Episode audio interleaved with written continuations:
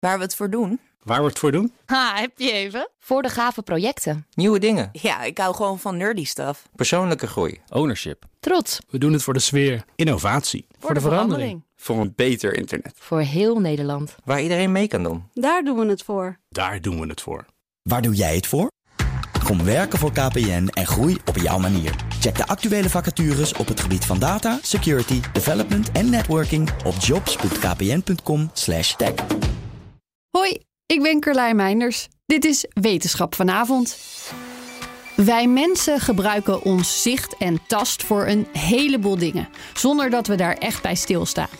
Het vasthouden van een beker bijvoorbeeld, of het opvouwen van de was.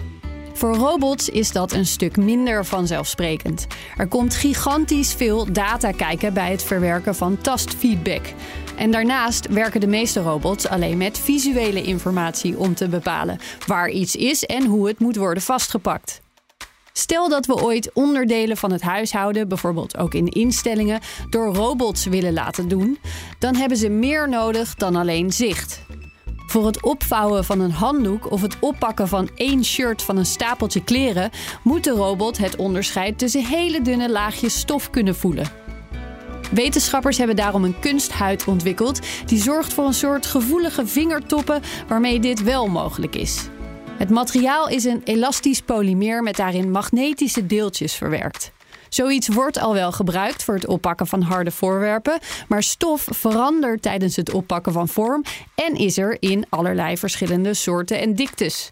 En bij opvouwen komt nog veel meer kijken. Het lukte de onderzoekers al om de sensor te laten meten hoeveel laagjes de robot vast had en waar nodig te corrigeren voor dat aantal. Kunnen we robots ons was al laten doen? Nog niet. Maar het is een stapje in die richting. Is één minuutje wetenschap niet genoeg en wil je elke dag een wetenschapsnieuwtje? Abonneer je dan op Wetenschap vandaag. Bij BNR ben je altijd als eerste op de hoogte van het laatste nieuws. Luister dagelijks live via internet. Bas van Werven. En heel langzaam komt de zon op rond dit tijdstip. Je krijgt inzicht in de dag die komt op BNR, het Binnenhof in Nederland en de rest van de wereld. De Ochtendspits. Voor de beste start van je werkdag. Blijf scherp en mis niets.